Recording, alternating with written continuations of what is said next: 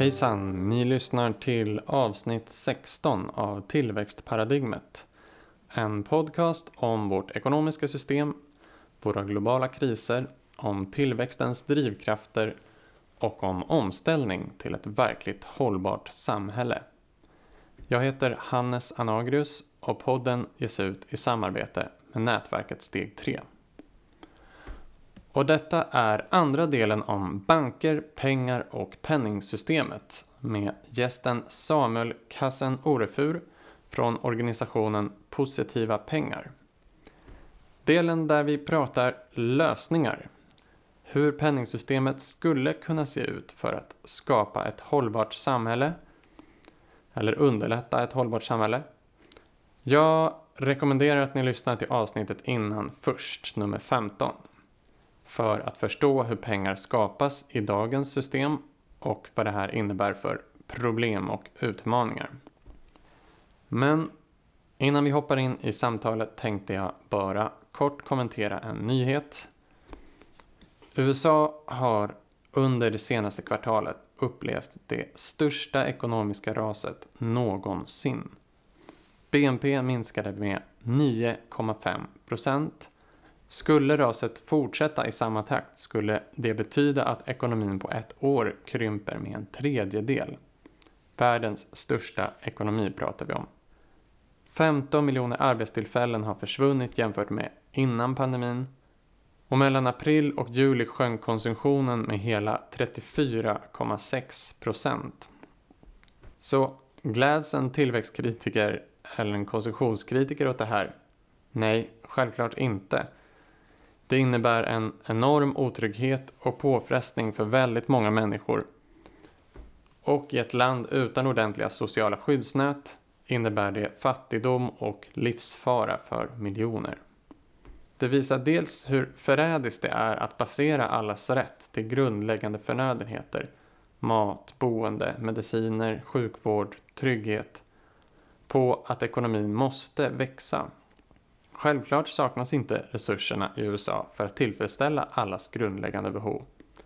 Även om man tar BNP från senaste året och krymper det med 9,5%, så är BNP ungefär lika stor som den var 2017. Och var det en katastrof 2017? Nej. Det är inte att ekonomin krymper som är problemet utan det är det tillväxtberoende sårbara systemet som är problemet. Dessutom kan vi titta på börsen. Trots massarbetslösheten i USA och världen över, även väldigt hög arbetslöshet i Sverige, så har börserna återhämtat nästan allt av den branta nedgången. Stockholmsbörsen har till och med mer än tagit igen det förlorade. Så hur kan börserna visa dessa uppgångar när företag ber om statligt stöd och vi har massarbetslöshet och så vidare? Ja, för att finansvärlden har ganska lite med den verkliga ekonomin att göra. Börsen baseras på vad massa investerare tror att andra tror om hur marknaden ska utvecklas i framtiden. Och med marknaden menar man ju företagsvinster, inte vanliga människors privatekonomi eller arbetslöshetssiffror. Även om det såklart påverkar vinsterna. Dessutom vet många investerare att staterna och centralbankerna aldrig skulle överge finansekonomin i dagens system. Om ekonomin ska stimuleras så går det alltid via banker och värdepappersmarknaden. Tyvärr, eftersom det är ett väldigt dåligt och missriktat sätt att stimulera och styra den verkliga ekonomin på. Som ni kanske förstod från förra avsnittet. Istället tror jag verkligen på en lösning i stil med vad positiva pengar föreslår. Så Låt oss lyssna på hur det skulle fungera. Här kommer fortsättningen på samtalet med Samuel. Okej, är vi redo för uh, positiva pengars förslag? Det som man brukar kalla suveräna pengar. Ja. Om vi har något slags grepp om hur systemet ser ut idag mm. så kan vi komma in på hur det skulle kunna se ut och vad det positiva pengar föreslår. Uh, ett av de lättaste sätten att eh, börja det här brukar jag tänka och starta med den här meningen att pengar skapas idag av privata banker som skuld i samband med lån. Yeah.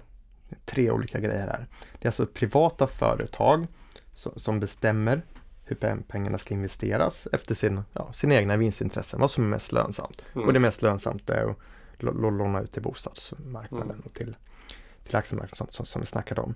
Och då tycker vi istället för att det är privata företag som ska göra det här så ska det vara en offentlig myndighet. Mm. Riksbanken till exempel i Sverige skulle mm. man alldeles utmärkt mm. skapare av nya pengar. Och då kunde ju pengarna skapas med samhällets bästa mm. som, som mål istället. Och vad skulle det kunna vara för någonting? Ja, exempelvis kunde pengarna delas ut till alla medborgare. Mm. Så får medborgarna välja vad de vill göra med dem. Eller så kunde pengarna ges till staten. Så får regeringen besluta hur, hur pengarna ska användas. Man kan också tänka sig att Riksbanken lånar ut nya pengar till, till bankerna och att pengarna öronmärks för särskilda typer av investeringar, till exempel för mm. gröna investeringar och mm. hållbar utveckling eller något sånt. Så det finns lite olika förslag som cirkulerar runt i, i IMMR, den internationella penningfondrörelsen. Mm. det finns en debatt inom positiva pengar också? Alltså i, i IMMR så finns det lite olika ah. idéer men det beror på att de olika länderna ser lite olika ut. Så man kan tänka sig att man kan anpassa reformförslaget på lite mm. olika sätt mm. beroende, på, ja, beroende på land.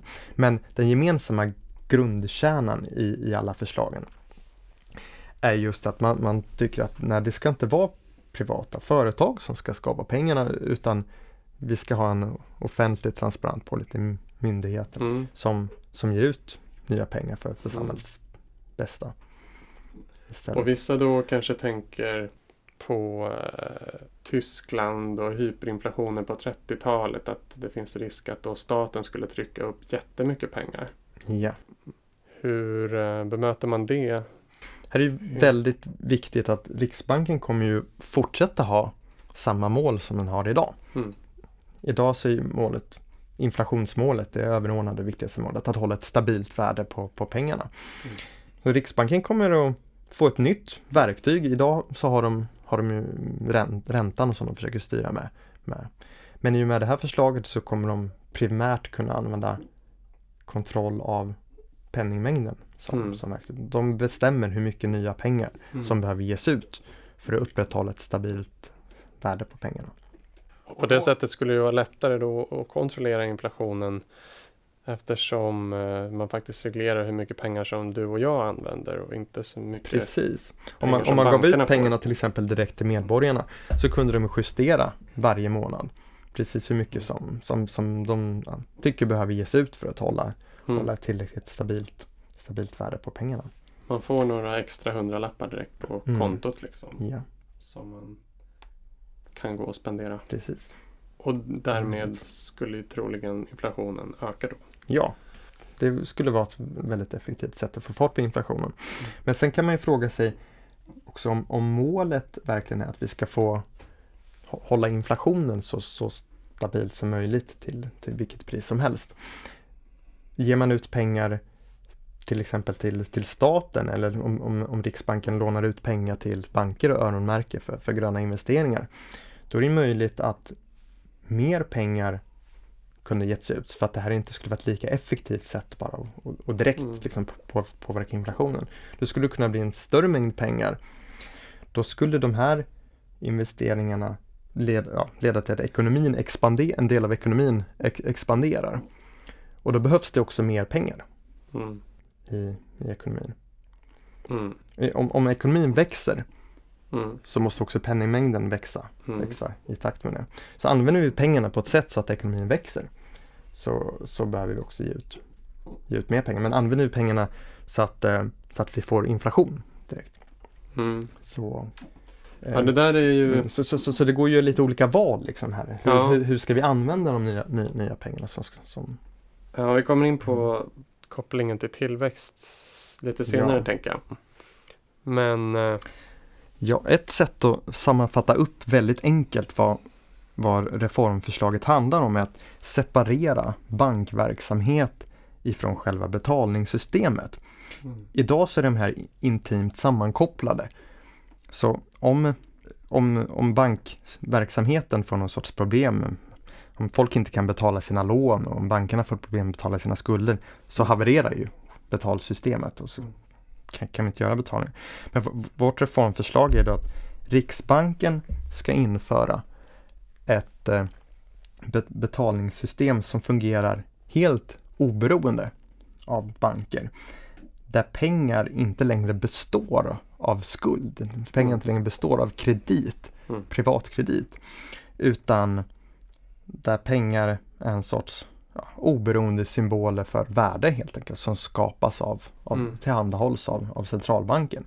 Och sen så kan alla bankerna operera med det här betalningssystemet som bas. Så mm. bankerna kan syssla med inlåning och utlåning av pengar som centralbanken tillhandahåller i det här mm. betalningssystemet som, som centralbanken ger ut. Mm. Så det är väl det enklaste sättet att formulera vad, det här rör sig om. Och då blir det också möjligt för bankerna att gå konkurs. De kan fungera precis som vanliga mm. företag i ekonomin. De behöver inga särskilda Pengarna privilegier. Inte, liksom. nej, nej, om de går konkurs skulle inte pengarna försvinna för alla pengarna finns i, mm. i betalningssystemet som ges, ges ut av, av, av centralbanken. Det finns på konton som lig, ligger hos, hos centralbanken och, och flyttas mellan konton där. Så bankerna har ju sina konton hos centralbanken och medborgarna har sina konton där. Och... Mm. Så bankerna blir egentligen en mellanhand. Så som de kanske beskrivs ofta i, i ekonomisk teori. Ja. Eh, men som de egentligen inte är. För att de är en väldigt central del i och med pengaskapandet. Men nu de, skulle de bli en mellanhand som hanterar inlåning och utlåning. Ja, pengar. genuina mellanhänder. För idag så kan man ju nu inte skapa mer pengar utan att skapa mer skuld. Mm. Och det är det som är lite det grundläggande problemet. Mm. Att eh, vill vi ha mer pengar för att öka på inflationen så kommer det bli mer skuld. Ja. Och, och med det här förslaget blir det då möjligt för, för Riksbanken mm. att skapa pengar aktivt och ge ut dem direkt till medborgarna eller via någon annan kanal mm. utan att skuldsättningen i ekonomin ökar. Och det är en väldigt stor fördel. Och det, och det är någonting som skulle kunna bli nödvändigt i en, en kommande finanskris till exempel. Ja.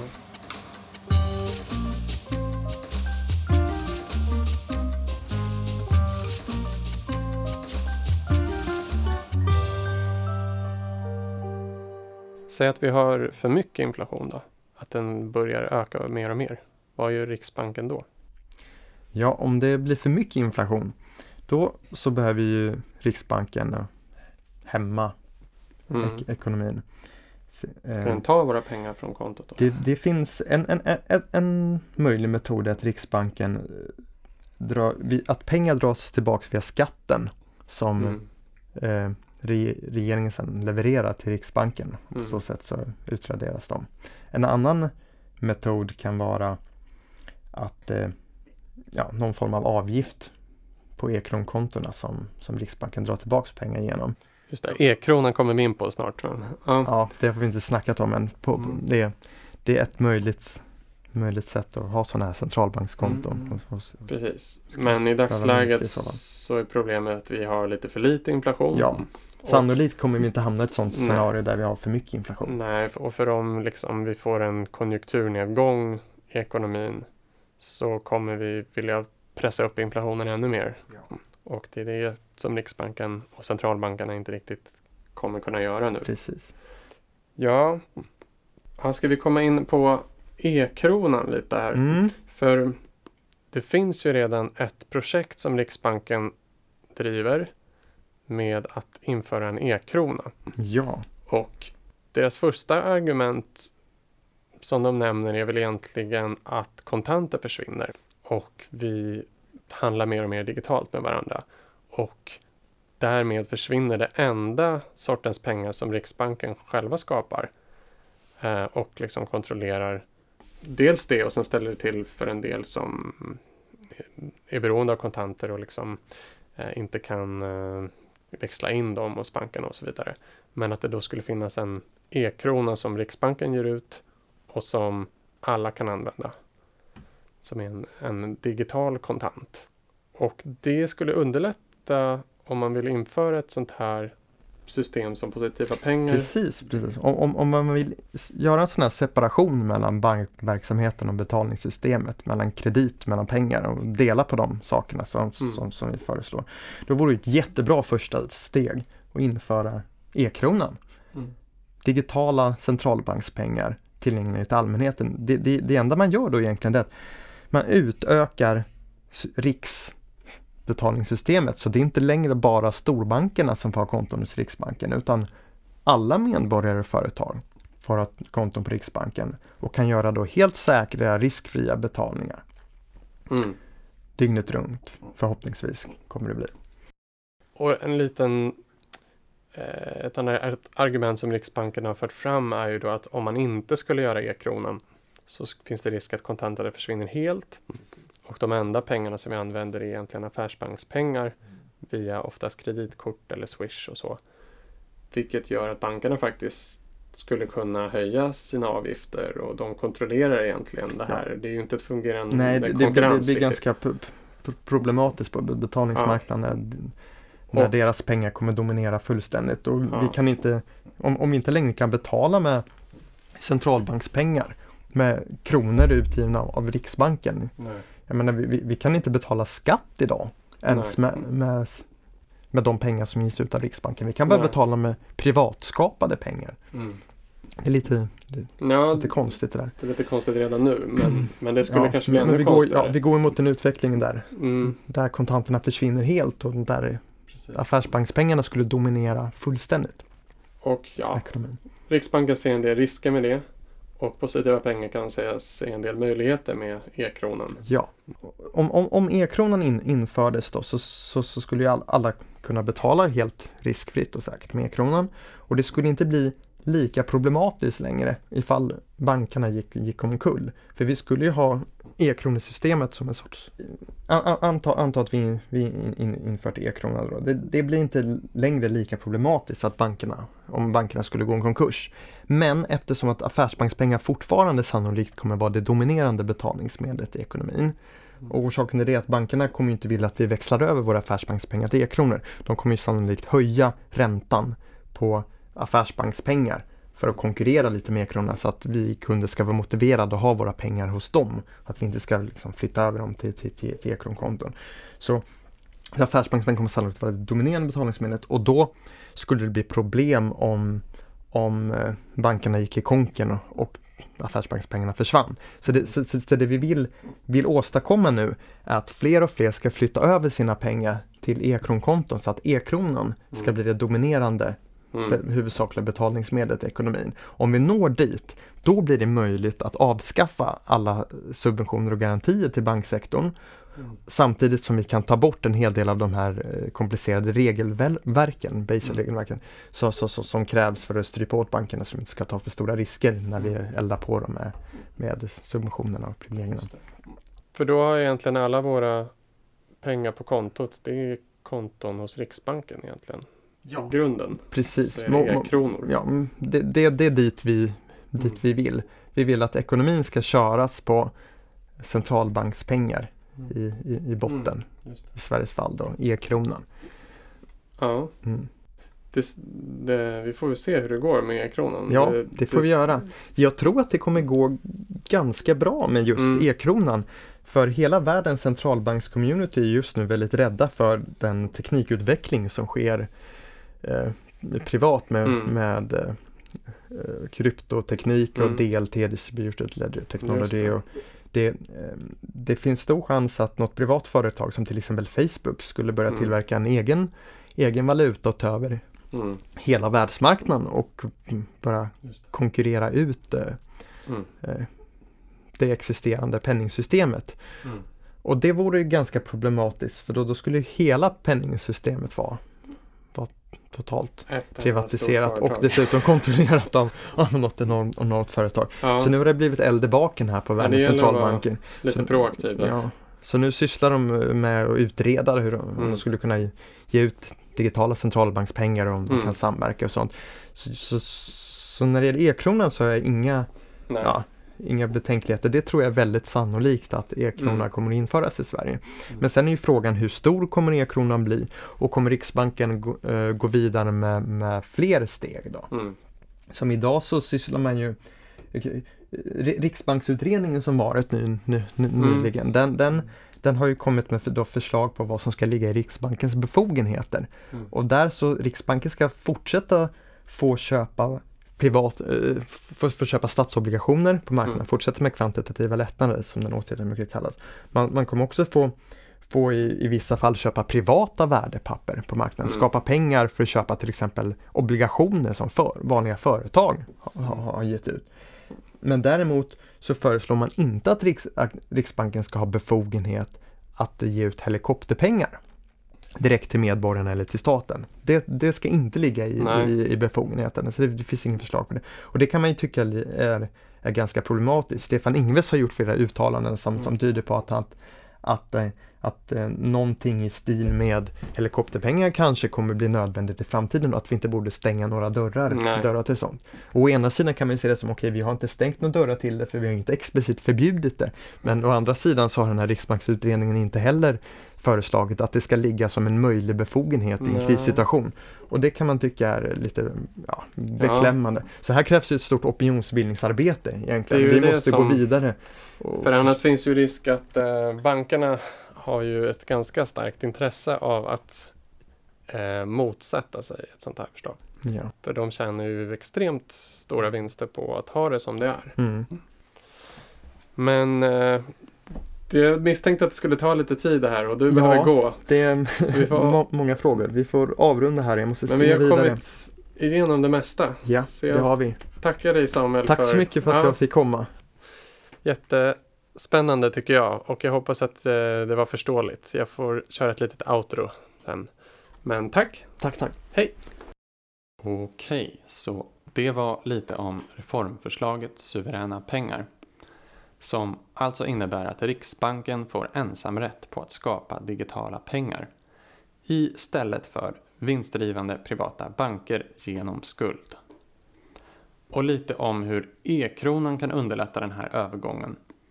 Samuel kom in lite på begreppet helikopterpengar också som vi ju inte har förklarat. Men det är ett begrepp som funnits med rätt länge. Det sägs att ekonomen Milton Freeman använde det första gången. Men det relaterar egentligen mer till hans motpol eh, Keynes skulle jag säga. I liknelsen så tänker man sig att en helikopter släpper massor av sedlar från himlen över samhället så att alla får mer pengar i handen och börjar spendera. Och då sätts ju konsumtionen igång och priserna stiger och vi får inflation. Med e-kronor så skulle alla istället då kunna få e-kronor på sina personliga konton varje gång Riksbanken behövde öka penningmängden för att klara infl inflationsmålet. Så det blir då en typ av helikopterpengar. Samuel pratade också om att pengarna skulle kunna gå till statskassan för olika gröna investeringar till exempel. Och där har jag hört en del argument för att det här skulle kunna skapa en osund relation mellan centralbanken och staten så att centralbanken kan pressas att eh, skapa pengar för vissa politiska syften. Så som skett historiskt när sedelpressarna fick finansiera upprustning vid krig eller ledde till hyperinflation. Men kanske går det att hålla centralbanken och staten åtskilda med tydliga regler och mandat. Eh, jag vet inte. Hur som helst, man kanske tänker sig att nyskapade pengar skulle ge massor av nya miljarder att investera i exempelvis den gröna omställningen. Men frågan är hur mycket pengar det blir innan inflationsmålet är uppnått. Kanske bara någon tusenlapp per person. Men ges de ut direkt till medborgare i form av helikopterpengar då blir det rätt snabbt till ökad konsumtion bland låg och medelinkomsttagare. Och det blir rätt lätt att mäta inflationsförändringen. Även om det inte då rör sig om så jättemycket pengar per person. Men då kanske ni undrar om konsumtionen redan är ekologiskt ohållbart hög. Ja, men det är lite en annan fråga. Vi ska minska de ohållbara delarna i ekonomin. Men vi behöver hur som helst tillräckligt med betalmedel, pengar, för att behålla ett stabilt penningvärde. Jag kommer in på lite varför det här systemet ändå skulle minska miljöförstörelsen alldeles strax. Och själva övergången från nuvarande system till 100% suveräna pengar då, alltså att alla pengar kommer vara e-kronor och ligga på Riksbankens konto. Det här är ännu lite mer tekniskt krångligt och jag förstår det inte heller till 100% själv. Så lite risk för överkurs, men tar ändå med det här. Vill man bättre förstå eh, så rekommenderar jag en föreläsning av Lars Alleus, en av grundarna till Positiva pengar i Sverige, som finns på Youtube. Eh, videon heter Positiva pengar, ett hållbart penningsystem. Och eh, det här med övergång kommer han in på i slutet av videon. Om alla pengar ska vara e-kronor och ligga på Riksbanken eller vara en fordring på Riksbanken, då kommer vi ha ett penningsystem, inte två som vi har nu, som vi förklarade i förra avsnittet med rikssystemet för banker och skuldpengar för oss andra. Egentligen när vi har fixat så det finns e-kronokonton hos Riksbanken, då kan vi omvandla alla pengar till e-kronor över en natt. Sen sker en konverteringsperiod för alla skulder, så som jag har förstått det. Eh, och det kommer jag berätta om snart.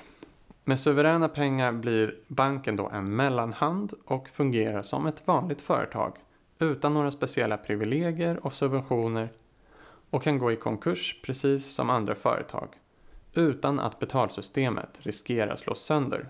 Och när vi flyttar pengar mellan konton så när vi köper och säljer saker till exempel så registreras de på olika transaktionskonton hos olika banker.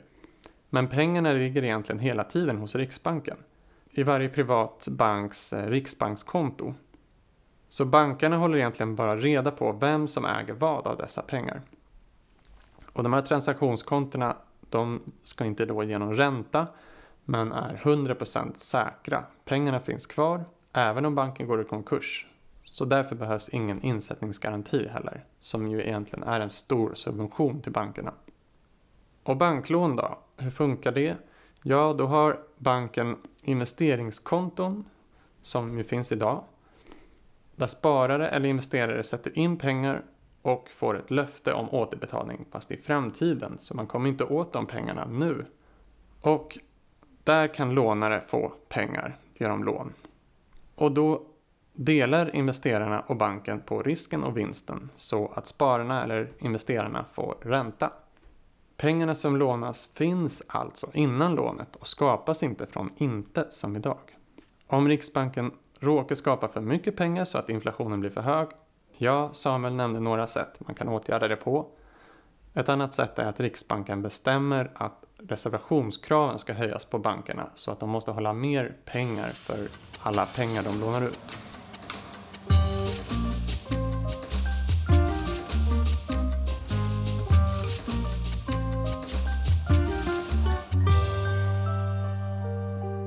I dagens system så skapas pengar via lån och försvinner när lånen betalas tillbaka, som vi nämnde förra avsnittet. Så vad händer med de gamla lånen när vi inför suveräna pengar? Jo, när de betalas tillbaka till banken så betalar banken dem direkt till Riksbanken.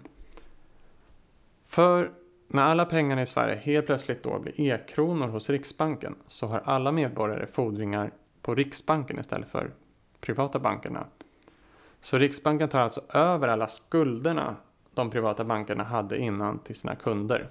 Så bankerna har då tillgångar men inga skulder eller? Nej, tricket är då att bankerna för all skuld som istället blir Riksbanken får bankerna en lika stor skuld, så kallad konverteringsskuld, till Riksbanken istället. Och den måste de betala tillbaka över en längre period, till exempel tio, en tioårsperiod.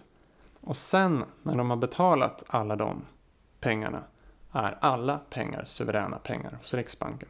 Och då skapas inga nya pengar via skuld. Istället skapar Riksbanken nya e-kronor. Och under den tiden när konverteringsskulden betalas av kan Riksbanken också föra ut de pengarna till samhället. Och de engångsbeloppen skulle kunna användas till exempel till en grön omställning Kopplingen till tillväxt och miljö då? Jo, med suveräna pengar så blir inte penningsystemet beroende av tillväxt.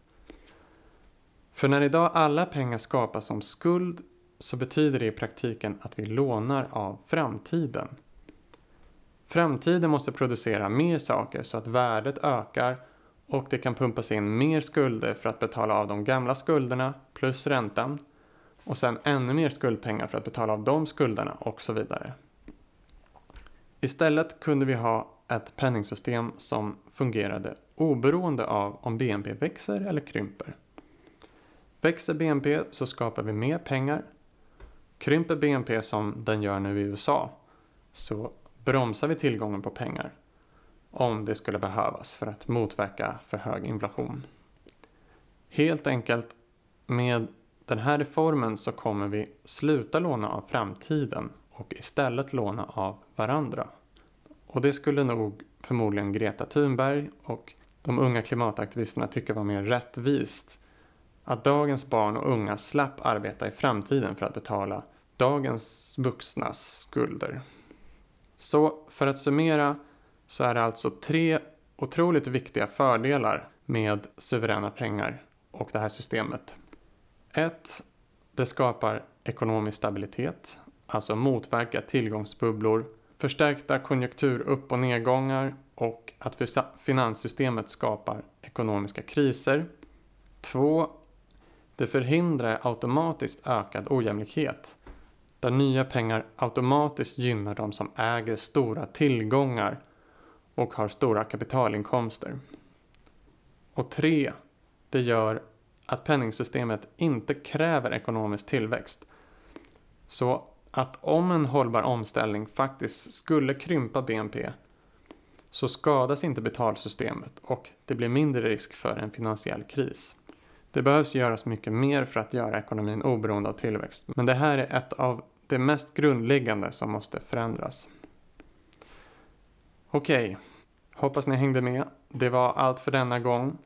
Kom ihåg att du kan ställa frågor, ge synpunkter, tipsa eller säga något positivt om du vill eh, genom att skriva till Facebook-sidan Tillväxtparadigmet Podcast eller mejla mig på tillväxtparadigmet gmail.com. I nästa avsnitt ska vi prata om en idé som kan få stor betydelse för att bekämpa den ekologiska krisen Nämligen att ge naturen juridiska rättigheter. Vi pratar om det här och även de filosofiska delarna av den här idén med naturens rättigheter med miljöaktivisten Pella Tiel. Håll utkik efter det. Tack och hej!